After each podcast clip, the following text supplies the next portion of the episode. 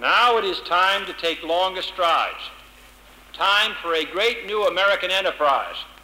Time for this nation to take a clearly leading role in space achievement, which in many ways may hold the key to our future on Earth.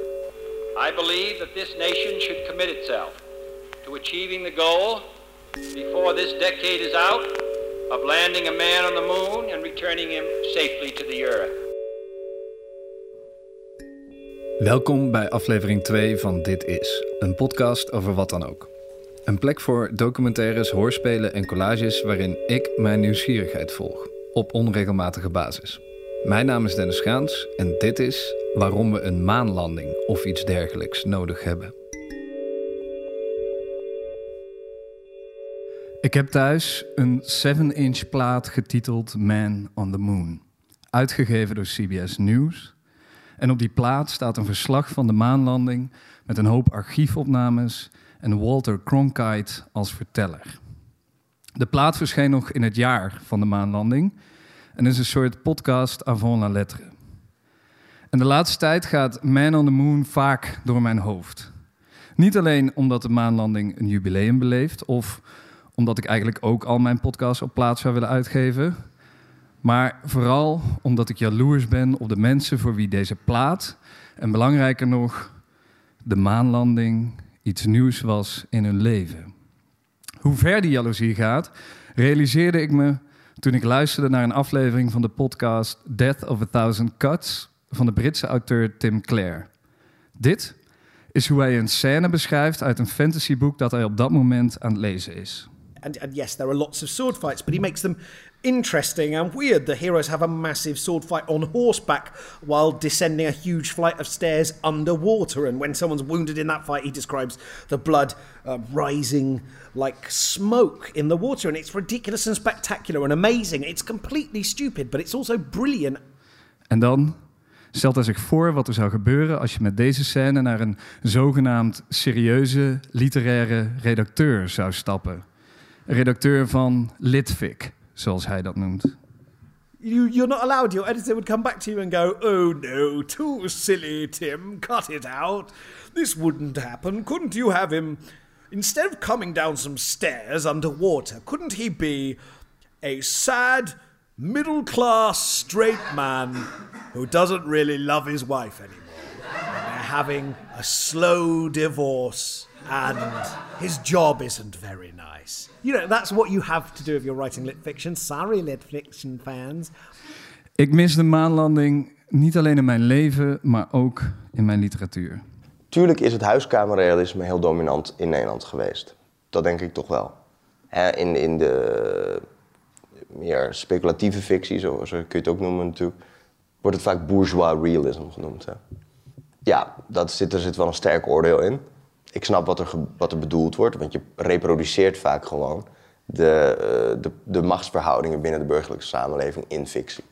En dan weten we allemaal aan het eind van het boek weer waarom het zo is dat dat gebeurt als je vreemd gaat of zo. Nou, een soort cautionary tale bijna. Nou, dan is de kous mee af. Ja, dat is irritant. Of ehm, dan blijven de verlangens wel heel individualistisch en heel vaak helemaal niet maatschappelijk. En die ruimte is er al, wordt al heel lang natuurlijk gewoon verkend. Dat is niet van gisteren. In boeken die we onder die, die, die fantastische, speculatieve, hoe je het ook wil noemen, science fiction, paraplu, zou kunnen eh, scharen. Dit is Maarten van der Graaf. En Maarten is auteur van twee terecht veel geprezen dichtbundels en nog niet zo lang geleden een net zo goed ontvangen roman. Maar ook in die drie boeken is het huiskamerrealisme dominant. Kijk, alle, alle literatuur produceert natuurlijk een wereld die er eigenlijk niet is. Eh, niet, niet, niet letterlijk. Maar ik denk dat ik in al die drie dingen, twee dichtbundels en een roman, speel met varianten op situaties die, die ik wel degelijk om me heen zag of kende. Of had meegemaakt. Dus ik voer mijn vrienden op, ik voer mezelf op. Ik voer mensen op die ik ken. Ik, eh, ik doe dat heel bot soms, of heel letterlijk, of semi. Het lijkt in ieder geval heel direct te zijn. Hè? Of eh, ik spreek mensen aan die dat boek misschien gaan lezen. Zoals in vluchtautogedichten. Dus het gaat heel erg uit van het veld waar ik in zit of zo. En dat maak ik tot een soort... Misschien ook wel, maar misschien is dat ook wel een soort andere wereld, snap je? Dat zou kunnen. Maar dat is niet helemaal geloofwaardig, misschien, nu ik het zeg. Maar onlangs veranderde er iets in zijn werk. Nou, wat er gebeurd is, weet ik niet precies. Maar ik denk wel dat ik. Dat, zou, dat weet ik dus niet helemaal precies. Ik denk wel dat ik heb besloten, ergens, of gewoon het heb gedaan, dat ik in ieder geval in proza los wilde komen van een wereld die erg op de onze lijkt, of slash die wereld is. En die benader je via vorm op een interessante manier. Oké, dat eh, kan. Maar wat nou als die wereld ook iets anders kan zijn dan die precies is? Hoeft niet heel anders, kan ook heel anders.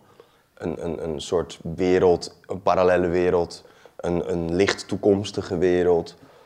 Dingen die volgens natuurkundige principes niet zouden kunnen, even kort door de bocht. Ja, dat zou je fantastische elementen kunnen noemen. Dus dingen die uit vaten tappen die we science fiction noemen, die we fantasy noemen, die we mm, genre soms noemen, maar steeds minder denk ik. Die, eh, dat zijn natuurlijk categorieën die eigenlijk al of half zijn ingestort of helemaal, denk ik. Ja. We begonnen allemaal bij een lang gedicht dat Maarten schreef. Eh, wat residuen heet en eigenlijk gaat over een andere wereld. Een wereld waarin het, of een stad eigenlijk waarin het heel heet is. En spelonken zijn gebouwd door een architect. En de soort commodities van die spelonken, meeste, eh, ja, de duurste aspecten aan die woningen, zijn de rol die stilte en schaduw er spelen. Dat zijn, die zijn eigenlijk zo schaars geworden. Dat dat, eh, ja, eh, die esthetiek ervan, maar ook gewoon letterlijk de koelte. dat het iets is geworden voor de happy few. Tijdens de bouw verdwijnt die architect. Niemand weet precies waarom. Best wel een tijd na die verdwijning gaat haar moeder op zoek naar haar. En zij komt aan in die stad en in het gedicht volg je die moeder.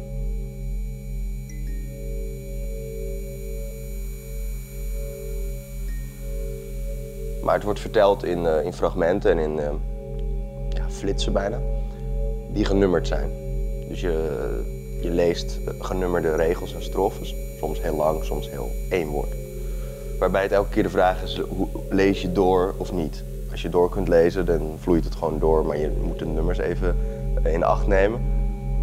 En soms is het echt een totale shift en zit je op een ander niveau of plan in het verhaal. Het is een andere manier van vertellen, maar ook een andere vertelwereld. En die andere vertelwereld, dat is waar de maanlanding en speculatieve fictie elkaar raken. Wat iedereen heeft onthouden van de maanlanding zijn die gevleugelde en waarschijnlijk tot in den treuren gerepeteerde woorden van Neil Armstrong. I'm going to step off the limb now. It's one small step for man, one giant leap for mankind. Het probleem met die woorden is dat ze op een bepaalde manier nog steeds bij dat huiskamerrealisme horen. Ze werden dan wel op de maan uitgesproken, maar ze bevestigen de bestaande machtsverhoudingen. Met bovenaan in die verhoudingen de Verenigde Staten. Veel interessanter vind ik wat er meteen na die woorden gebeurt. Once on the moon, Armstrong described what it was like to walk in an alien world. Surface is fine and powdery. I can, I can pick it up loosely with my toe. It does adhere t- in fine layers, uh, like uh, powdered charcoal, to the uh, to the sole and, and sides of my boot. It has a stark beauty all its own. It's uh, like mu- much of the high desert of uh, the United States. It's uh, different, but it's very pretty out here. It's different, but it's very pretty out here. Eigenlijk is het namelijk heel moeilijk. Dat is het denk ik ook. Het is eigenlijk best wel moeilijk. Misschien is het wel veel makkelijker om, een, om dat, eh, dat eh, wat wij dan als realisme zien. Dan kun je natuurlijk afvragen of dat terecht is. Eh, zo van Dennis en ik zitten op het terras en misschien is dat. Ik zeg niet dat het makkelijker is. Dat denk ik niet. Maar om die fantastische elementen goed in te zetten en echt interessant te maken, is misschien, heeft wel tijd nodig of zo. Je vervalt misschien snel in clichés, omdat het ook clichés zijn, vaak. Je, juist het fris maken van clichés is voor literatuur heel interessant. Want je, maar komt het dan ook omdat je mensen moet meenemen als je een fantastisch element introduceert, dat je bijna niet om clichés heen kunt? Ja, maar ja, dat vind ik bijvoorbeeld zelf best een ingewikkelde vraag. Als je helemaal in de psychologie van een personage duikt en die ontrafelt, verdraagt dat ook dat de wereld eromheen heel gek is, of niet? Bijvoorbeeld. Dan heb je heel weinig houvast meer.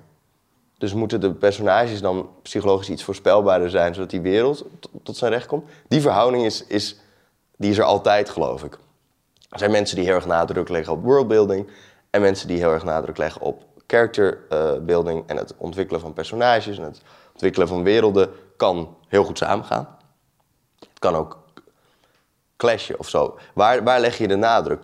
Dat is wel een keuze, denk ik, die, die je moet maken, bijvoorbeeld.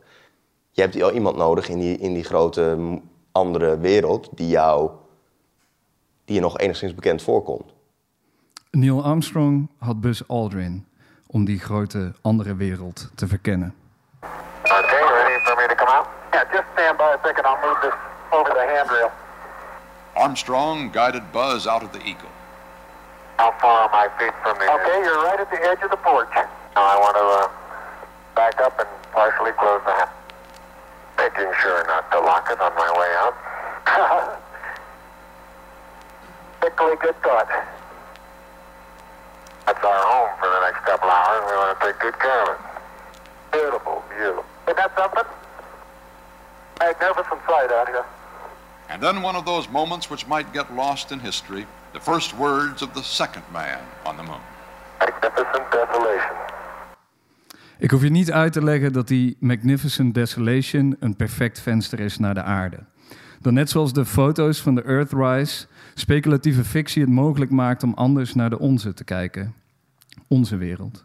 Ook dat zijn clichés. Ik denk dat ik zou zeggen dat we vaak heel goed denken te weten over welke wereld we schrijven. En dat we alleen maar een ingang zogenaamd vinden in dat materiaal.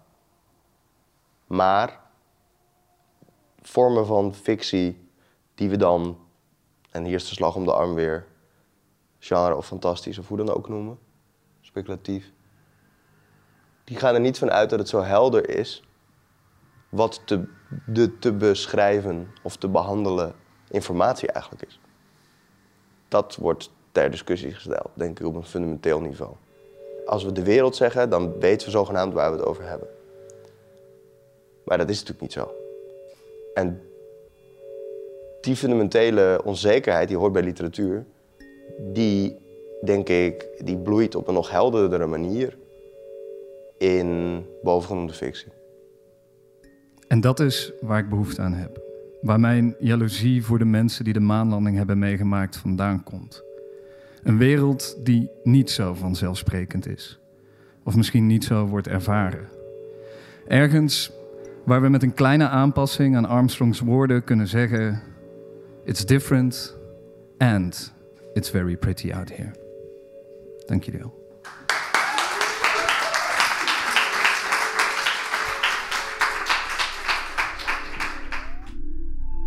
Dit was waarom we een maanlanding of iets dergelijks nodig hebben.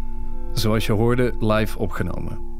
En wel tijdens het programma 10 Seconds to Lift Off in Walterbooks in Arnhem, een programma over speculatieve fictie. Mocht je nou geïnteresseerd zijn in de rest van dat programma? Ik had dus ooit een podcast die Ondercast heette. En nog zo heet. En zo te vinden is. En wellicht staat het hele programma wel in de feed van die podcast. Dat is Ondercast met een C. Met dank aan Jibbe Willems, Laurens van der Linden en natuurlijk Maarten van der Graaf. De podcast die je aan het begin van het stuk hoorde is Death of a Thousand Cuts van Tim Clare. De muziek in deze aflevering Martin Rach met Belong to Moon en Salakapaka Sound System met Man vs. Moon. Alle links vind je uiteraard in de show notes. Dit was de tweede aflevering van Dit Is, een podcast over wat dan ook. De volgende aflevering verschijnt als de maan in een bepaald soort fase is. Bedankt voor het luisteren en tot dan.